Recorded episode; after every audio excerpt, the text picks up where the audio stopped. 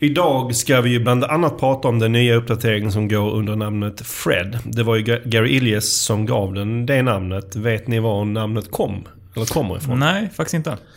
Men det finns en viss risk att det här kanske är någon form av fake news. Men när jag var på SMX i München för några veckor sedan så sa de att det, det var döpt efter Fred, eller efter Fred, efter Garys guldfisk som heter Fred.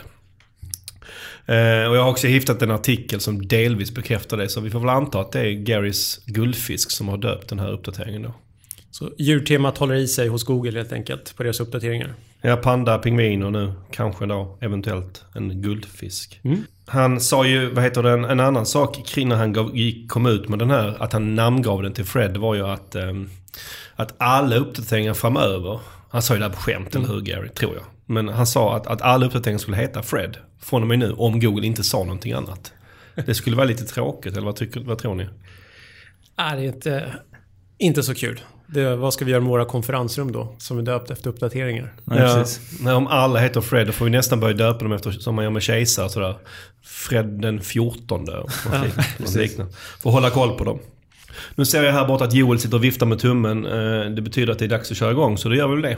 Yes. Du lyssnar på Sökpodden. En podcast för dig som gillar Google, SEO och SEM. Sökpodden görs av Pineberry. Varmt välkomna till Sökpodden avsnitt 26. Mitt namn är Mikael Wahlgren och vid min sida idag sitter Alexander Ökvist. Hej. Och Viktor Kalmhede. Tja. Hur är läget med er idag? Det är bara bra med mig. Det är bra här också. Det är första dagen efter eh, påskledighet här. Hur, hade ni en bra påsk? Absolut, lite blandat väder bara. Det var lite snöigt här i Stockholm, annars var det bra. Mycket mat blev det för mig. Jag... För mycket eller? Nej, det kan nog inte bli för mycket, men det var på gränsen. Ingen godis? Nej, jag tycker inte om godis, så det var inte så mycket. Mest choklad. Okej. Okay. Själv så har jag precis, kom jag precis, nästan precis landat. Jag var uppe i, jag tror jag nämnde det i förra podden, jag var uppe i Andersträsk och där, där var det verkligen vinter. Så, på något, så även om ni upplevde att det var lite kallt här så känns det som att det var skönt att komma tillbaka till någon form av vår här i Stockholm när vi landade i morse. Och internetuppkoppling. Och internet, inte att förglömma. Det har varit lite frustrerande. På ett ställe om man gick eh, ute vid sjön så kunde man få lite, faktiskt få lite internet då. Jag som, eh, jag, jag gillar ju fotboll och framförallt då, jag, ska, jag vet inte om man ska avslöja det här på podden, men det kanske man kan lista ut på min dialekt. Jag gillar Malmö FF. Ja. Mm. Och de spelade i helgen och ville verkligen ha reda på hur det gick. Efter mycket moment så lyckades jag hitta in text-tv och fick fram resultat. text-tv också. Ja. Det är en underskattad app förresten, text-tv-appen. Vad bra. Um, vi har tre ämnen idag som vanligt. Det första är Googles kamp mot annonser. Sen ska vi prata om CTR för SEO och PR för och SEO. Eh, som ni märker så är det liksom ett tydligt SEO-fokus i ämnena idag. Och det är ingen slump utan vi brukar försöka välja ämnen lite beroende på vem som eh, är med. Och du Viktor, du jobbar ju bara med SEO. Ja, jag har fastnat där och man kan ju inte lära gamla hundar att sitta. Så jag kör SEO helt enkelt. Och Alexander, du jobbar ju förvisso även med AdWords, men din bakgrund är ju främst SEO. Eh, ja, precis. Jag har ju arbetat längst med SEO, så jag får väl nästan säga att det är favoritområdet ändå, trots allt. Mm. Så då antar jag att ni två är extra nöjda med dagens ämne? Ja, verkligen. Vi hoppas att ni lyssnar också gillar dem. Ehm, på tal om lyssnare så var det väldigt många av er som eh, just lyssnade i mars. Det var den näst bästa månaden någonsin med 2353 lyssningar. Det är bara oktober förra året som fortfarande ståtar med högsta siffran. Då körde vi dubbla avsnitt just så det är inte så konstigt. Eh, men nu i april så dopar vi ju lite extra också med att vi körde ju ett, ett extra avsnitt nu för, som kom förra veckan i påskveckan om affiliate. Så att jag hoppas och tror kanske att vi kommer slå eh, rekordet här i april. Vad tror ni? Verkligen och det är ju ett attraktivt ämne också. Ja. Med affiliate just. Precis, hur gick det med specialavsnittet? Eh, det gick bra tyckte jag. Jag tyckte avsnittet blev väldigt bra. Eh, vår gäst Jesper Ibacka eh, hade mycket att bjuda på. Och tittar man på statistiken och siffrorna efteråt så ser det ut som att det är lite mer populärt än våra genomsnittliga avsnitt. Så att förhoppningsvis så, så, får vi till en fin siffra innan april är slut. Det känns också som att vi poddar hela tiden just nu. Att det är nästan en podd som kommer mm. varje vecka. Men det, det kommer bli lite lugnare framöver. Mm. Och om vi får eh, stanna där lite vid, vid, vid, hur det har gått och feedback. Så, där, så vi brukar ju eh, be er lyssna om att höra av er med feedback och vi, vi får det ganska ofta. Eh, det är väldigt, väldigt kul. Och nu, Mm, verkligen. nu vill jag lyfta upp en sak, så nästan skryta lite. Jag fick ett mail av en lyssnare som heter Mattias och han sa att han hade lyssnat på de flesta olika poddar inom vårt ämne världen över. Alltså främst engelska poddar men han hade lyssnat på en del tyska också sa han. Och han sa att han tyckte vår var den som han satte högst. Och det känns ju... eh, Ja, det känns som ett väldigt bra betyg, eller hur? Ja, verkligen. Eh, så det är vi väldigt glada över. Eh, En annan sak som vi pratade om eh, i vårt förrförra avsnitt, eh, vårt förra ordinarie avsnitt, det var att på, på er lyssnares begäran så var det förslag på ett ämne där vi skulle gå igenom några av era sajter och kolla vad det fanns för möjligheter och eventuella problem. Någon, en form av klinik. Och vi har, fått in ett, jag har fått in ett par förslag, men jag skulle gärna vilja ha ett par till innan vi gör ett ämne av det. Så är det så att någon där ute som lyssnar är intresserad av att vi tar en titt på er sajt här i sökpodden så hör av er till eh, sokpodden at pineberry.com ehm, så kommer det kanske som ett ämne här framöver. Mm. Ta vara på den chansen. Mm. Eh, Jag tror det blir ett väldigt roligt ämne också att, för oss att göra. Mm. Och med det så kör vi väl igång eh, dagens första ämne som är Googles kamp mot annonser har vi döpt det till. Vi kommer väl återkomma lite till just den här kampen. Ehm, och som vi pratade om i inledningen så, så kom det en uppdatering nyligen som då fick namnet Fred. Just Som det. Gary döpte till Fred. Vad, vad handlade Fred om? Eh, Fred hamnar, alltså I början så trodde man väl att det var länkrelaterat. Eh, men eh, bland annat efter en eh, studie från Sistric där de gick igenom över 300 sajter så kunde man ju dra slutsatsen att det handlade om sajter som hade mycket annonser och eh, relativt dåligt innehåll. Mm. Eh, så det var väl det som man, det Fred handlade om helt enkelt. Man kan väl också säga att det är en uppdatering som inte är bekräftad av Google. Nej, det är inte en officiell Nej. uppdatering. Det var ju på lite det så- sättet. Nej, det var ju lite så när... Så, jag vet inte om man ska uppfatta det som när, som när Gary tröttnade lite på frågor kring den här eventuella uppdateringen. Mm. Så gav han dem lite på skoj namnet Fred för att Ja. vi skulle vara nöjda. Vi som frågade. Mm. Så det var ju då sajter med väldigt mycket annonser som, som, som har tappat i den här uppdateringen. Ja, det är en, en, en tydlig sak vi har sett och som andra har sett också. Det är annonstunga sajter som har tappat. Och liksom där fokuset är på att du ska, ska säga, tjäna pengar på besökarna. Du ska bara få in trafiken och där inte du... Där inte lika tydligt att ditt innehåll är den kärnan i, på din sajt så att säga. När du kanske inte i Googles ögon svarar på googlingen på bästa sätt. Utan du går lite för snabbt på bollen för att Ja. tjäna dina pengar. Exakt. Eh, vilken typ av sajter är det som eventuellt har drabbats av det här?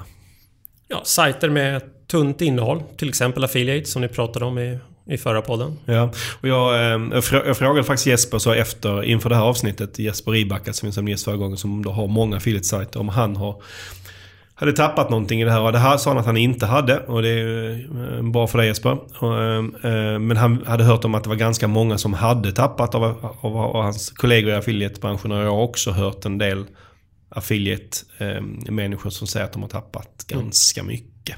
För det, vi har sett, det var relativt stor förändring. Det är kanske inte den största förändringen vi har sett. Men det var ändå relativt mycket rörelser Mm. kring den här uppdateringen, eller hur? Ja, det var det och det, det kunde vi se i våra interna verktyg också att det, det rörde mycket eh, på sig.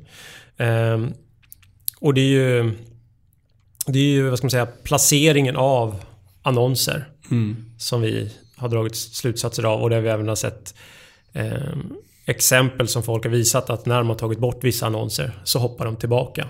Så Ja. det faller tillbaka på det här att Google har blivit mycket snabbare också. Ja, som vi har pratat om innan Mm. i podden. Att man, om man gör en förändring så kan man förvänta sig ganska snabba resultat. Mm. Det var likadant med den här YouTube-buggen, eller Ja, vad det precis. kallas, som var här för några månader sedan. Men Fred är inte helt ensam. Det finns ju andra eh, algoritmiska uppdateringar historiskt sett som har egentligen, i alla fall som jag tolkar det, eh, liksom gått mot samma sak. Där var ju den uppdatering som heter Page Layout eller som jag brukar kalla den Ads above the fold. Mm. Eller vissa kallar den även Top Heavy. Det är samma uppdatering fast har lite olika namn. Mm. Och den har också kommit i, i flera versioner. Och sen kom det en eh, uppdatering här nyligen tidigare som en officiell uppdatering, eller hur? Ja, eller de gick ut och varnade om det att eh, det här med stora annonser tar upp för mycket av ytan på mobil, det mobila helt enkelt. Ja.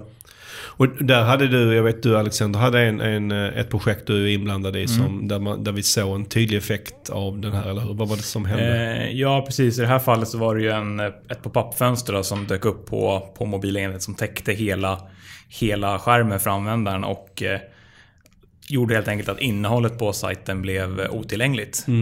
Såvida du inte klickade bort pop-up-fönstret.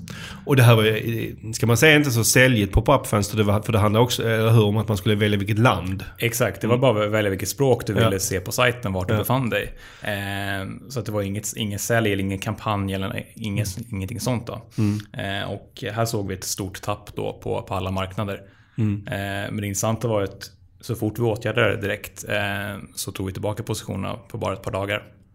Eh, och det visar också i USA att det går ganska snabbt att återhämta sig också om man rättar till felet. Och varför gör Google den här typen av uppdatering som då eventuellt, om nu Fred var en uppdatering och, och Ads above the fold, de tidiga uppdateringarna. Vad, vad, vad är Googles poäng med dem? Ja, men Google vill ju att den sidan du landar på ska kunna leverera svaret på din fråga och inte en, en massa annat. Nej, precis. Och i det här fallet liksom så ska du hitta, du ska hitta svaret ganska direkt och du ska se, se tydligt. Om kommer en pop-up så hittar du och du ser inte innehållet på sajten. Eh, Nej. Så det blir inte så användarvänligt. Och ser du en annons för någonting helt annat så är det kanske heller inte super, superrelevant för den som har googlat. Nej. Eh, och om man nu ska tänka rent tekniskt SEO-mässigt, hur, för det här är ju en algoritmisk, eh, ett eventuellt algoritmiskt problem man hamnar i. Så eh, Google tittar efter vissa saker. Vad är det de tittar efter för att bedöma om en sajt eh, inte sköter sig i, i deras ögon? Nej, det är om det är annonser eller någonting som påminner om eh, annonser. Och hur det är, eh, hur det är placerat helt enkelt. Att inte få ta upp för mycket yta och framförallt inte för mycket yta di- direkt när man landar på, på sidan. Above the fold helt enkelt. Skulle, alltså är det bara rent och skära annonser liksom tänkte jag. Nu tänker jag mig en affiliate-sajt där det är annonser för någonting helt annat som är problem. Eller kan det även vara liksom så kallade interna annonser? Att eh, du kommer in till en sajt så finns det en stor ruta för eh, ett, ett, ett offertformulär. Som de vill att man ska fylla i. Eller du ska fylla i ett formulär för ett nyhetsbrev som tar upp stor del av, av sidan. Är det är också ett problem teoretiskt sett? Eh, ja, det, det, det kan det vara. Eh, det är ju populärt att ha såna här um, sliders högst upp på webbsidor.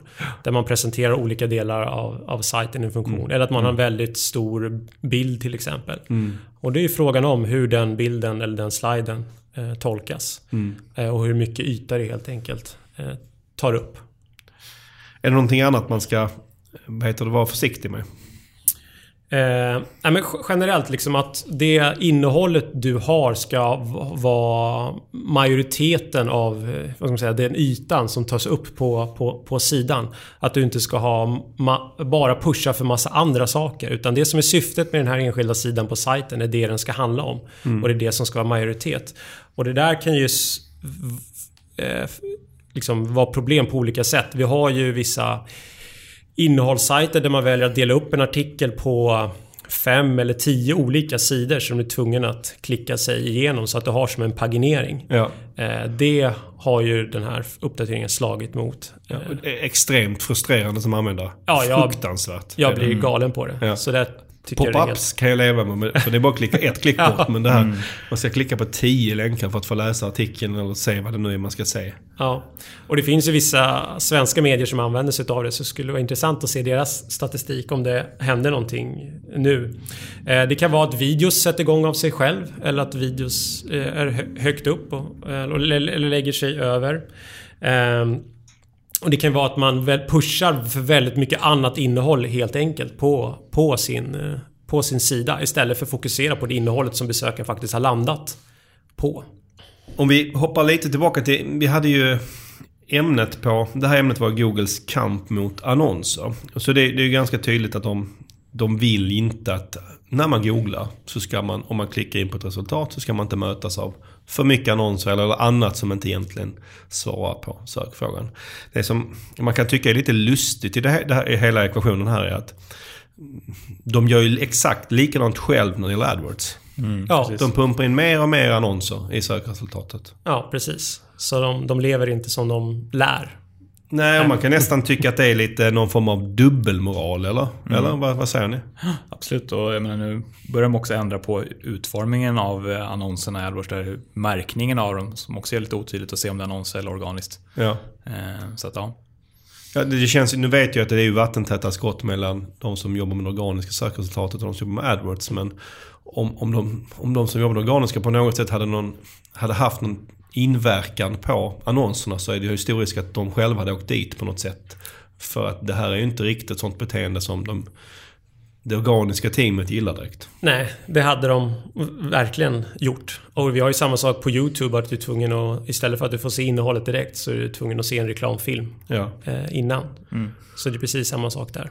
Och när, när det gäller de uppdateringarna som Google har pratat om, de har inte sagt någonting direkt om Fred, men de tidigare när de har sagt saker själv så har de ju sagt att de inte då, när det är för tydligt intäktsfokus på sidan man hamnar på så är det någonting de inte tycker är bra. För att det svarar inte på Googlans fråga. Men är det någonting AdWords är bra på så är det ett väldigt tydligt intäktsfokus. Och det blir bara tydligare och tydligare för varje år som går.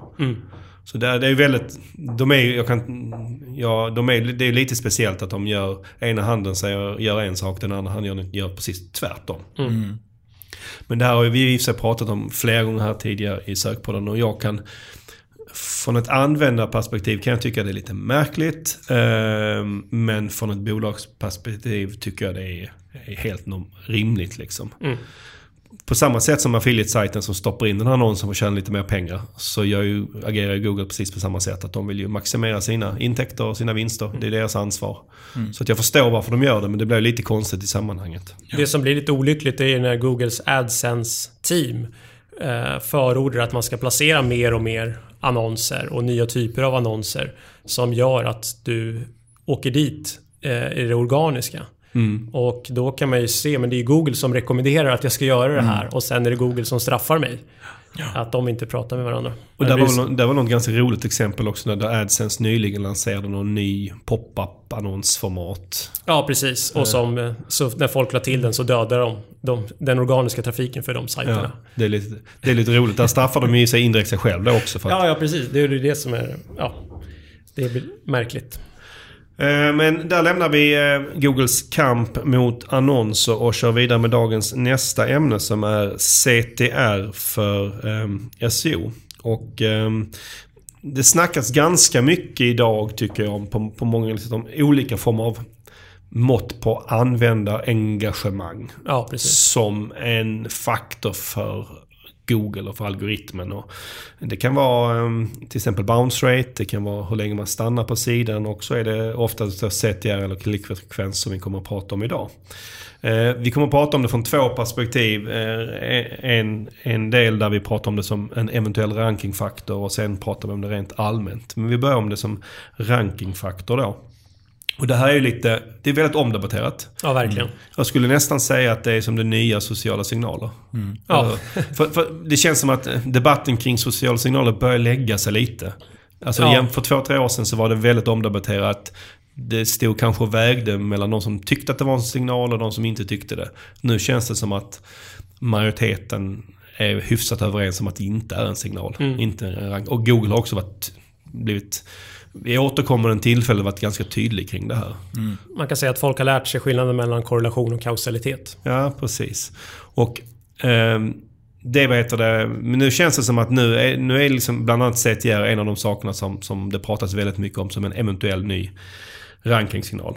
Eh, och det liksom känns som att det finns lika många som hävdar att det är det som hävdar att det inte är det. Ja, Och ehm, vi kan väl um, börja prata lite om det som talar för. Vad skulle tala för att det är en rankingfaktor tycker ni?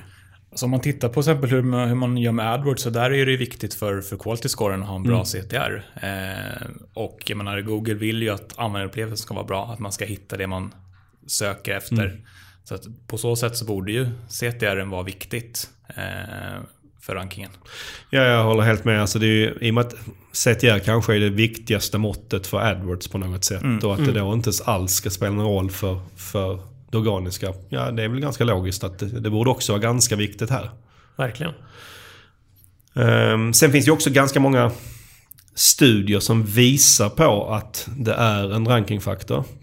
Eh, Men då är det som du var inne på det här med korrelation och kausalitet. att de visar ju på, vad jag har sett i alla fall, på korrelation. Mm. Eh, Men jag har inte sett något som påvisar någon form av kausalitet. Har ni gjort det? Nej, alltså... Nej, inte någon som har liksom... Då hade jag varit övertygad. Ja. Eh, Och det är jag ju inte. Utan, Och man ska säga att det är väldigt svårt att Det- påvisa kausalitet. Precis. Det är oftast väldigt, väldigt Mm. svårt. Men och, om man då... Um, anledningen till att man ser kanske hög korrelation också att, är ju att det är sannolikt att om man jobbar mycket med SEO Mm. eh, och så kommer du också jobba mycket med dina titlar. Ja. Och de två sakerna kommer leda till, till, till att du rankar bra och att du har en hyfsat bra CTR. ja. Eh, Men det betyder inte att det ena direkt påverkar det andra. Nej, verkligen inte. Ehm, och ehm, exempel på det här är att jag var, ehm, när jag var på SMX i München så var det väldigt många som snackade om det här och visade faktiskt upp väldigt mycket data kring det här. För- Ganska övertygande data måste jag säga. Eh, Bland annat eh, Larry Kim och Marcus Tandler eh, snackar väldigt, väldigt, väldigt, väldigt mycket om. Och Larry Kim sa i och för sig att han var inte helt säker på att han kunde visa på, på kausalitet. Han Nej. kunde verkligen visa på korrelation. Mm. Men hans, hans övertygelse var i alla fall att det fanns kausalitet. Mm. Eh, Men han lämnade det till viss del öppet. Okej, det var sakerna som talar för att det är en rankingfaktor. Vad har vi som talar emot? Främst är väl att Google själva har sagt att det inte är en rankingfaktor. Ja, den, den är ganska tydlig. Den är väl den Och, och, det har, tydligaste. och det har de gjort vid olika tillfällen. Ja. Nu senast var det på SMX West i San Jose. Där det var återigen Gary Illies som... Han var med i någon form av frågepanel där han fick frågan och eh, hans svar, och nu, nu citerar jag på engelska. We, we only use CTR for QA purposes, not direct ranking purposes. Och det går inte att tolka hans svar på något annat sätt än att det inte är en rankingsignal, eller? Alltså, om man tänker på eh, quality assurance där, att det hänger kanske ihop med ranking Precis. på sikt. Liksom att det är en form av kvalitetskontroll. Och har du bra CTR så skulle du då kunna ranka bättre också för att du har ja, kvaliteten på, Ja. på det. Jag tolkar lite som att det är inte en rankingsignal alls, men att de använder det för att göra någon form av bedömning om, om, de, gör, om de visar ett bra resultat. Mm. Ehm, Ja, men det där att direkt rankingfaktor, vad är det? Och vad är en indirekt då rankingfaktor? Ja, är det där, liksom, vad väger man in? Det är, Och sen historien också att vis, har ju visat oss att, att för, man skulle också kunna säga att har Google sagt att det inte är en rankingfaktor så, så nej, men då behöver vi inte, varför pratar vi om det överhuvudtaget?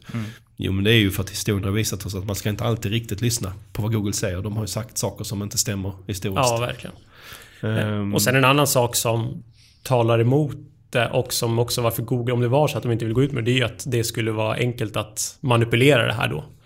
Att bör, börja skapa klickfarmar eller, eller någonting sånt. För så, att, för att få upp sin egen CTR. ja. exakt. Men då skulle man kunna komma med argumentet att ja men eh, det skulle man kunna göra på AdWords också.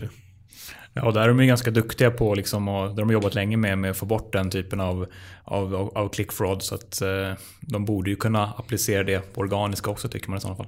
Ja. Men sen finns det också, det finns ju en skillnad i incitament här på om man ska sätta igång massa bottar som klickar. För att Mm.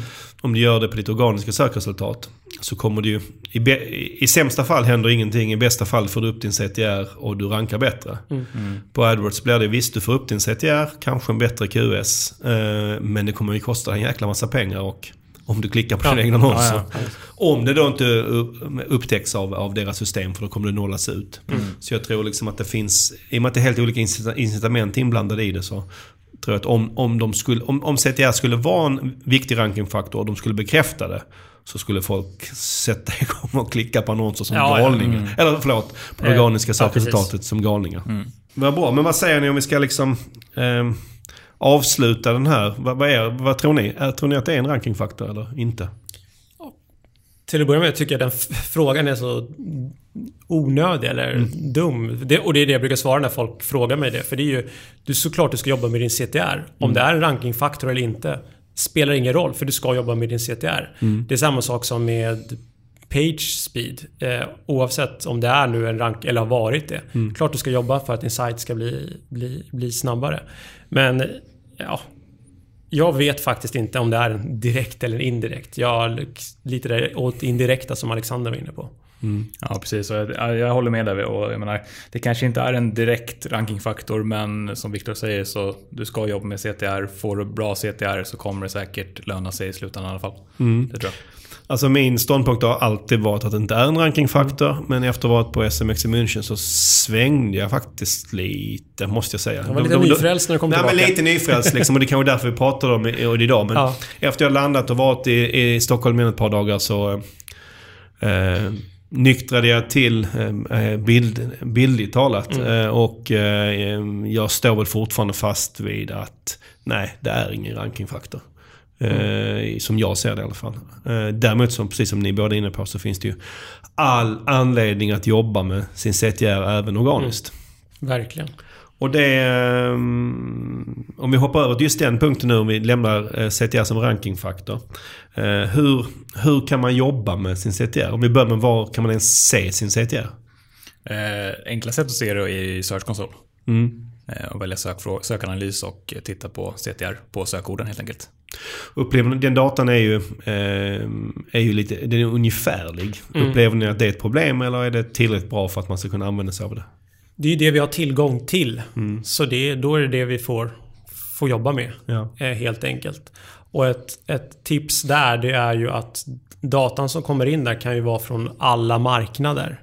Och det kan göra att din CTR ser sämre ut. Utan att man filtrerar fram så man bara, om man jobbar mot Sverige, bara har visar den svenska eh, marknaden. Eh, för, ja, när man tittar på CTR helt enkelt. Ehm, och en, en fråga som vi får väldigt, väldigt ofta, eh, eller i alla fall jag, är vad är en bra CTR? Och mm, jag får den ju oftast kanske då när det gäller AdWords, men det händer ju också såklart att man får den när det gäller SEO. Vad, vad, vad är en rimlig, vad är en bra CTR? Folk vill ju veta om, om de är bra, bättre än snittet eller sämre än snittet. Jättesvårt att säga. Det beror väldigt på liksom sökord, bransch, konkurrenter och ja, många faktorer. Ska jag säga. Det är Ja. svårt att säga något exakt, någon siffra. Nej, det är omöjligt att säga en siffra. Utan man får bara jobba mot sig själv där. Helt enkelt. Och så beror det på hur sökresultatet utvecklar sig också. Helt plötsligt så eh, har du en karta som dyker upp där och då dyker in en CTR och sen försvinner kartan och då går den upp igen. Så det är där att man, man får inte stirra sig blind på de här siffrorna i Search Console utan också titta hur ser det faktiskt ut i sökresultatet. Och väga in det i, i, i bedömningen. Och då gärna att man har en ja, någon, någon form av historisk förteckning som man har koll på hur det har förändrats. För det kan ju påverka din, din CTR också. Mm. Precis som du är inne på Viktor så tycker jag att det bästa sättet för att om man ska då försöka förbättra sin CTR och se var man har svagheter är att jämföra sig med sig själv. Ja. Och det går ju att exportera ut datan från Search Console. Om man exporterar ut sina, sina sökord då, då man får med både CTR och position. För positionen kommer ju påverka ens CTR väldigt mycket. Och om man plottar dem sen mot varandra i en Ja, graf. precis. Så ser du liksom vem, vem, vem som ligger under någon form av normal fördelningskurva. Och de, de som gör det, alltså som har en låg CTR trots en ganska hög position, eller tvärtom. Det är de du bör ta tag i först. Det förutsätter då ganska många sidor för att det här ska vara en poäng, annars blir datapunkterna för få. Men, men för till exempel e-handlare som har många sidor så är det här ett briljant sätt att se, liksom, kan, det kan man till och med kanske se slutsatser kring vilka typer av sidor på min sajt har generellt sett en dålig CTR. Och det är väl där man ska sätta in sin insats först. Och det man också kan det är om man har väldigt liknande sidor eller liknande produkter. Så kan man testa dem mot varandra om de är stabila i positionerna. Så jag har jobbat med en kund där de rankar etta. Och så har vi testat olika formuleringar på titlarna. Ja. Där vi har kört de olika produktgrupperna mot varandra för att se om det har hänt någonting på, på CTR. Så om man är hyfsat stabil så kan man göra den typen av AB-tester fast organiskt. Och om man nu eh, har hittat sidor som man då eh, eh, tycker att här vill jag få upp min CTR. Vad, vad, vad kan man göra för, för att öka den? Få upp den? Vad gör man? Främst är väl att, att se över sin titel. Eh, Motsvara den sökfrågan. Liksom. Vad, vad har personen sökt efter? Svarar jag på det i titeln på ett bra sätt? Eh, det ska Är den säljande och lockar in? Ja, exakt. Precis. Och där kan man ju verkligen jobba med AdWords också och testa snabbt och få fram vilk, vad är det som får klick där. Ja, jobb, för över det till det organiska. Ja, det är ett bra sätt att testa för att man kanske inte vill experimentera för mycket Nej. med sina titlar. Framförallt inte om man rankar bra. Nej. Nej. Ehm, då vill man kanske inte ändra sin titel liksom jätteofta. Nej. Och då är AdWords kanske ett bra sätt. Och jobbar man internationellt så kan man kanske till och med nöja sig med att annonsera på Bing. Ehm, för att då, blir, då kan man göra det till en lägre kostnad. När man väl te- bara testar. I Sverige så tror jag Bing, det blir för litet liksom för att få data. Ja, det är det. Ehm, så där får man nog nöja sig med, med, med AdWords. Men förutom titel, vad kan man mer jobba med? Sen har vi beskrivningen, meta description där under. Hur, vad man väljer att lyfta upp där helt enkelt. Och ett vanligt misstag folk gör det är ju att eh, beskriva eh, alltså själva tjänsten eller produkten som du sen ska presentera och inte vilka fördelar just du har. Varför man ska klicka in till dig. Ja. Du ska ju vinna klicket från dina konkurrenter. Det är det som är det viktiga. Ja, precis. Det är liksom på något sätt... Man kan väl säga att det är nästan två olika eh, saker. Man, alltså två, om, man, om man ser det som eh, två eh, kamper man är inne i mot de andra i sökresultaten. Dels kan man först vinna klicket. Och sen i nästa läge så kan man förhoppningsvis då vinna kunden. Om det är en kund man är, man är ute efter. Och Det gäller att sätta in rätt medel i, i rätt kamp. Ja, precis. Eh, och inte försöka förklara produkten i detalj i, i ens meta descriptions. För det, Nej. det funkar ju inte. Nej. Eh, Ja, sen har vi URLen, hur den ser ut helt enkelt. Och där om du taggar upp, om du har till exempel brödsmulor-navigering så kan du få den att synas istället. Mm. Det kan göra att din CTR blir li- något bättre. Så har du ju rich snippet också. Du kan lägga in eh, omdömen och, och liknande saker för att få ännu mer klick också. Brukar det påverka CTR mycket? Ja, det beror på hur det ser ut i övrigt. Är du den som eh, eh, får in eh, en ett recension, recensioner i sökresultatet och du har bra recensioner och du har de här guldstjärnorna som är där, då sticker du ut. Då får du klipp. Eh, De som var tidiga ute med, när, med recept att tagga Ja. upp det rätt, de fick ju väldigt mycket trafik fast de låg på lägre positioner. Och allting som gör att du tar upp mer yta helt enkelt. Att man inte får ha en för kort description utan att man har en lång som tar upp minst två rader. Eh, Har du rich snippet då får du ännu mer yta och då trycker du ner dem under dig och det syns lite mer. Och det är större chans att få klicket. En sista grej man kan, som kommer att påverka en CTR är om man får sitelinks. Det är ju ingenting du kan så kortsiktigt fixa utan det, Nej. det handlar om långsiktig SEO. Men det, Ja. det påverkar ju ens CTR. Verkligen. Kan påverka det väldigt, väldigt mycket Ja. också. Framförallt om man lyckas få det på lite mer generella sökord. Man har det ju oftast på sitt eget namn och sådär. Men får Mm. man generella sökord så knuffar man ner alla andra och så tar man väldigt stor plats. Precis, och du sticker ut lite. Och det är det jag tycker man, man generellt sett behöver bli bättre på. Att man tittar på sin titel och description isolerat fr- utifrån din sajt istället för att titta på hur ser det här ut i sökresultatet jämfört mot dina konkurrenter. Hur mycket sticker jag ut? För det gäller ju att sticka ut för att få klicket och på så sätt höja CTR, att positionera sig där helt enkelt.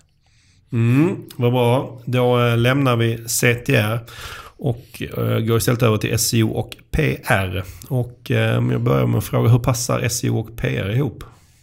Eh, Det går väl bra ihop om- man gör det. Ja. Nej, och, och vi kanske ska förtydliga här att vi menar PR i form av public relations och inte i, i form av PageRank. Eh, som man lätt kan tro Ja. om man skulle prata PR just den här, i den här podden. Men, men det, det är ju på något sätt så, gilla, så, så, handlar det om samma sak för Google. Det vet ju alla som lyssnar på det här att Google älskar ju både bra innehåll och länkar. Och PR handlar ju om att ta fram ofta väldigt bra kvalitativt innehåll som har ofta har förmågan att, att, att attrahera länkar. Mm. Så på något sätt så passar de egentligen som handen i handsken. Verkligen. Då skulle man också kunna tro att, att, att, att man skulle kunna ha PR som en SEO-strategi. Tycker ni det är en, en bra form av... Kanske inte som primär strategi men ett komplement till SEO liksom. Ja. Ja. Säga i så fall. Ja, precis. Det är alldeles för dyrt för att ha det som en SEO-strategi. Ja. Alltså skulle det gå så skulle det vara fantastiskt på något Mm. sätt. Men det är ju oftast alldeles för dyrt. Så, så att det kanske inte är en SEO-strategi men som, som du säger Alexander kan det vara ett komplement till ens, ens befintliga SEO-strategi. Mm. Eh, och vad skulle ni säga de som jobbar med PR idag? Är, är de, hur mycket tänker de med SEO? Är, de, är det någonting de är bra på? Min erfarenhet är att de inte tänker så mycket på SEO när de gör PR i alla fall. Utan det är primärt då för PR och synas liksom och visa sina nya produkter eller tjänster eller vad det kan vara. Eh, Och att man inte har SEO-tänket när man gör det. Nej, jag håller med. Ja, Jag har frågat runt lite inför den här, eh, det här avsnittet med folk i PR-branschen och vad de ser i alla fall så, så finns det ingen PR-byrå till exempel i Sverige som har det här som någon form av, eh, säg, inriktning eller tar upp det som en fördel att de, att de också tänker SEO eller Mm. jobbar med SEO när de, när Mm. de gör PR. Om det är någon som lyssnar där ute som, som vet om någon sån byrå får ni gärna säga till. Ja. Möjligt att, att, att det finns någon men Ja. det, det finns inte många i alla fall. Ehm, och det är inte kanske så konstigt heller att de inte tänker så mycket SEO.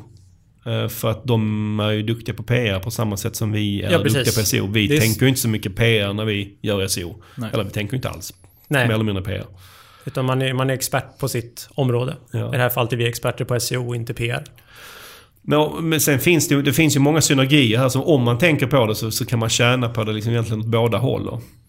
Men, men, men det här är ju inte egentligen någonting... Alltså att man inte tänker på det kanske så mycket när man gör PR är ju inte ett vanligt... Alltså det är inte ovanligt i vår bransch. För att det finns ju kanske ännu mer närliggande områden. Så ta webbyråer. Det är väl... Mm. Många som jobbar med SEO har väl var- varit frustrerade mer än en gång över att kanske webbyrån inte tänker sådär jättemycket SEO när de bygger en sajt. Nej, och, problemet där är att de ofta säger att de kan det och att de tänker det. Och då blir det ju fel för kunden. Ja, där, där blev det på något sätt än värre. Mm. När det gäller PR upplever jag i alla fall att ingen som säger att de gör Nej. det. Så då är det kanske inte samma Nej. problematik kring det. Men det, det är snarare så att det är, det är mer av ett outforskat område. Tror jag för många att det finns en hel del att tjäna på PR när det gäller SEO. Om man, om man, om man tänker på det. Mm. Och vilka misstag skulle ni säga, eller vad är det man missar om man inte tänker på PR? Vad är vanliga saker man gör som, som man skulle kunna göra annorlunda? Det första man gör om, man tänker, om vi tänker på PR på MyNewsDesk som är en vanlig plattform för, Mm. för PR så är väl att man publicerar allt innehåll där och inte på sin egen sajt. Mm. Eh, ja, istället då kan ha innehållet på sin egen sajt och sen kanske något litet stycke eller något på MyNewsDesk och sen länka tillbaka till sin egen sajt istället. Ja, eller det, det är att man, man kanske sätter upp en kampanjsajt. Mm. Eller någonting. Man skapar innehållet, inte hos sig själv, utan någon annanstans. Mm. Eh, För, för ofta, det vet, jag har jobbat själv en del med och man lägger ju oftast väldigt mycket kärlek på det innehåll som skapas. Mm. Alltså mycket mer än kanske man traditionellt gör om man tar fram en vanlig text för en, för, för, för en webbsida. Utan det är väldigt mycket kärlek som går in i de här texterna. Mm. Och då vill man ju liksom inte, i alla fall i ens SEO-hjärta gör det lite ont om man bara ger bort det här sen. Ja, precis. Exempelvis till MyNewsDesk. ja. Nu kommer MyNewsDesk inte kanske tycka att man ger bort det till dem, men det gör man ju faktiskt. Ja. För att det blir ju de som kommer ranka på det här innehållet. Mm. Sen vet jag i och för sig att det är vissa som tycker det är en fördel med MyNewsDesk att ja, om man publicerar där så rankar det bra. Mm. Och det är i och för sig sant för att de är ju ganska bra på Mm. att ha byggt en bra plattform och så vidare. Men det är ju inte det du vill. Alltså Nej. du vill ju du, du vill ju såklart att ditt innehåll, ditt innehåll ska finnas hos dig. Ja, jag tycker ju så i alla fall. ja, du vill ju att den potentiella kunden ska landa på din sida och inte på en annan sida och sen behöva ta sig vidare. Ja. Och som ni var inne på här också, liksom, det är inte bara det att man ger bort innehållet. Du ger också bort möjligheten till potentiella länkar. Ja, För att om du publicerar innehållet på en kampanjsajt, eh, är i och för sig lite bättre kanske om du behåller kampanjsajten och oftast försvinner de över tiden ju. ja om man glömmer att ta hand om domänen och peka in Ja. den. Ja. För att om det kommer länkar till kampanjsajten eller till pressreleasen på MyNewsDesk så är det ju de som får länken och det länkvärdet. Du får inte det själv. Nej. Eh, Så att då har man missat den möjligheten också. Mm. Men, men om vi tar MyNewsDesk som ex exempel. Hur ska man göra istället? Vad är en bättre lösning om man eh, nu vill ändå vill använda MyNewsDesk? Jag tycker i sådana fall att man, man kan använda MyNewsDesk men att man har originalet på sin sajt och sen skriver man en kort sammanfattning på MyNewsDesk vad pressreleasen handlar om. Och så hänvisar tillbaka till sin egen sajt så att ja, nyhetssajter och liknande kan snappa upp det på, på sin egen sajt istället. Ja, man gör en kortare, en kortare utdrag eller kortare release som man, som man använder MyNewsDesk för distributionen Ja. men sen Mm. länkar till själva Ja. innehållet. Precis. Dels äger man innehållet där själv och dels kommer sannolikt eventuella länkar pekas till sin egen sajt. Ja, precis. Okej, så det finns en del att tänka på när det gäller var man publicerar innehållet. Men det finns om möjligt kanske ännu mer att tänka på när det gäller länkarna. För att om det är någonstans där PR kan göra underverk så är det kanske för länkar. För länkar är ju som bekant ganska svårt att få. Och om man kan få dem ehm, så är man väldigt tacksam. Oftast i alla fall vi som jobbar väldigt tacksamma. Verkligen. Eh, och vad, kan man, vad är vanliga misstag här? Eller vad kan man tänka på för att öka chansen att ens PR ska ge länkar? Nej, men det är att man, om det är material som ska placeras externt, Mm. att man ser till att man har med länkar i det från början. Mm. Eh, om det är att du eh, ska vara med i en, eh, i en tidning eller någonting. Att man på, påtalar att man gärna vill att, man, att, ni ska, att, att de ska länka tillbaka till din sida. Och då kanske inte bara att de länkar till startsidan utan du kan även prata mer om vart du helst skulle vilja att de länkar med motiveringen att vad är bäst för besökaren att landa. Pratar man om en viss produkt eller tjänst så är det bättre för besökaren att landa på den sidan på din sajt och inte bara på startsidan. Ja, för det skulle jag säga är ett vanligt misstag kanske. Att man, man, när man skickar ut en pressrelease så har man kanske bara generella länkar. Man har inte Mm. liksom relevanta länkar för någon att länka till. För att tidningen kan inte så jätteintresserad av att länka bara till, om företaget. Men har du, en, har du medvetet gjort en bra landningssida med extra information om produkten eller den här undersökningen som har gjorts. Ja, Så är det mycket mer sannolikt att du får länken. ja precis. Ehm, Men en annan sak som händer när det gäller länkar som är, jag kan tycka är en liten tråkig utveckling som har hållit på länge. Det är ju att sajter och generellt sett kanske, alltså, och främst kanske tidningar, är ju dåliga på att länka. Mm. Alltså de, de, och det handlar ju inte bara om när man gör PR utan det handlar om så fort de till och med när de gör rewrites på andra artiklar så upplever jag att det inte alltid de länkar till vad som är källan. Nej. Nej, eh, och så är det. Och det är ju... Jag vet inte om man är... Man vill behålla besökarna helt enkelt. Man är så rädda idag att skicka vidare besökare. Ja, e- eller, eller kan, ibland kan jag tänka mig att det kanske är också en sån vet, generationsgrej att, att för eh, de yngre som kommer in och jobbar på tidningar, för dem är det kanske inte så naturligt med länkar. För länkarna är på något sätt grundbulten i internet, eller var det innan. Men nu Ja. är det liksom inte riktigt det Nej. längre. Man klarar sig ganska bra utan länkar. Mm. Alltså rent navigationsmässigt Ja. på internet. Eh, Så att jag vet inte om det är liksom så att det, man bara inte tänker på det. Men man tycker att det borde vara, vara viktigare med de länkarna, eller i alla fall med en, en källa på det man har skrivit om. Liksom. För man tänker på gamla tidningar och sånt, där, där var man ju duktig på att lägga in källa och hänvisa till vad, vart det kommer ifrån. Eh, I, ja, I hela debatten kring fake news Ja. så finns det ju all anledning att hänvisa till var man har fått informationen ifrån. Kan jag tycka. Ehm, men en sak där som jag kan tycka är ett bra tips att tänka på är att om man blir omskriven för av oavsett anledning och du inte får en länk så funkar det oftast ganska bra att kontakta journalisten i efterhand och, och be om en länk. Man kan alltid fråga. Ja, och det, det, så länge du ber, ber, ber snällt eh, och då skulle jag säga att det är min, min erfarenhet är minst, minst i hälften av fallen eh, så får du en länk. Liksom. För att ofta har du då varit med i en, säg, en intervju eller du har på något sätt hjälpt journalisten till att skriva artikeln. Så att det är inte, helt, det är inte en orimlig fråga att ställa. Nej. Eh, och det är relevant för den som läser också i, i nästan alla fall. Ska man formulera sig på något speciellt sätt när man ställer den frågan eller vad är... Nej, jag vet inte. Men man, man, alltså man ska vara så allmänt hyfs. Kan jag tycka. att man, att man bara, bara frågar snällt och, får, Ja. alltså, och kanske då eh, hjälper till lite och berättar återigen. Precis som man då kanske just ska tänka sig en release. Man ja, men länkar gärna till den här sidan. Och för är artikeln redan skriven så kan du också liksom hitta var det vore lämpligt i artikeln att länka. Alltså du, då hjälper du journalisten ännu mer att, att, att göra sitt jobb på ett bra sätt. Så att eh, konkret och, och snällt så, så upplever jag att det funkar ganska bra. I de flesta fall. Vi kan, vi kan också, eh, jag tänkte vi kan avsluta här och ta oss själva som exempel. För vi har jobbat en hel del med, med, med, med PR. Egentligen under alla år men under de senaste tre åren så har vi jobbat aktivt med en PR-byrå. Eh, och där har vi ju försökt tänka SO. Mm. Försökt göra det som kanske inte alla gör som jobbar med PR. Eh, Men jag vill också säga att syftet har ju inte varit SEO med vår PR. Utan det har ju varit PR i, i, i klassisk bemärkelse. Att vi vill stärka vårt varumärke gentemot potentiella eh, nya kollegor, nya kunder, eh, mot branschen, mot, mot leverantörer, mot, mot alla olika partners eh, man kan tänka sig. Eh, och det har ju eh, gett en, en, en, en hel del länkar, ska jag säga. Alltså det är inte vansinnigt många, men en hel del länkar. Ja, Och- ganska starka länkar. Ganska starka länkar också. Och och fra, framförallt har det, har det hjälpt oss med en sak som har varit lite problematisk innan. För vi har ju liksom två sajter. Vi har pineberry.com och vi har sökmotorkonsult.se. Och det är egentligen på sökmotorkonsult.se vi publicerar det mest säg, intressanta materialet.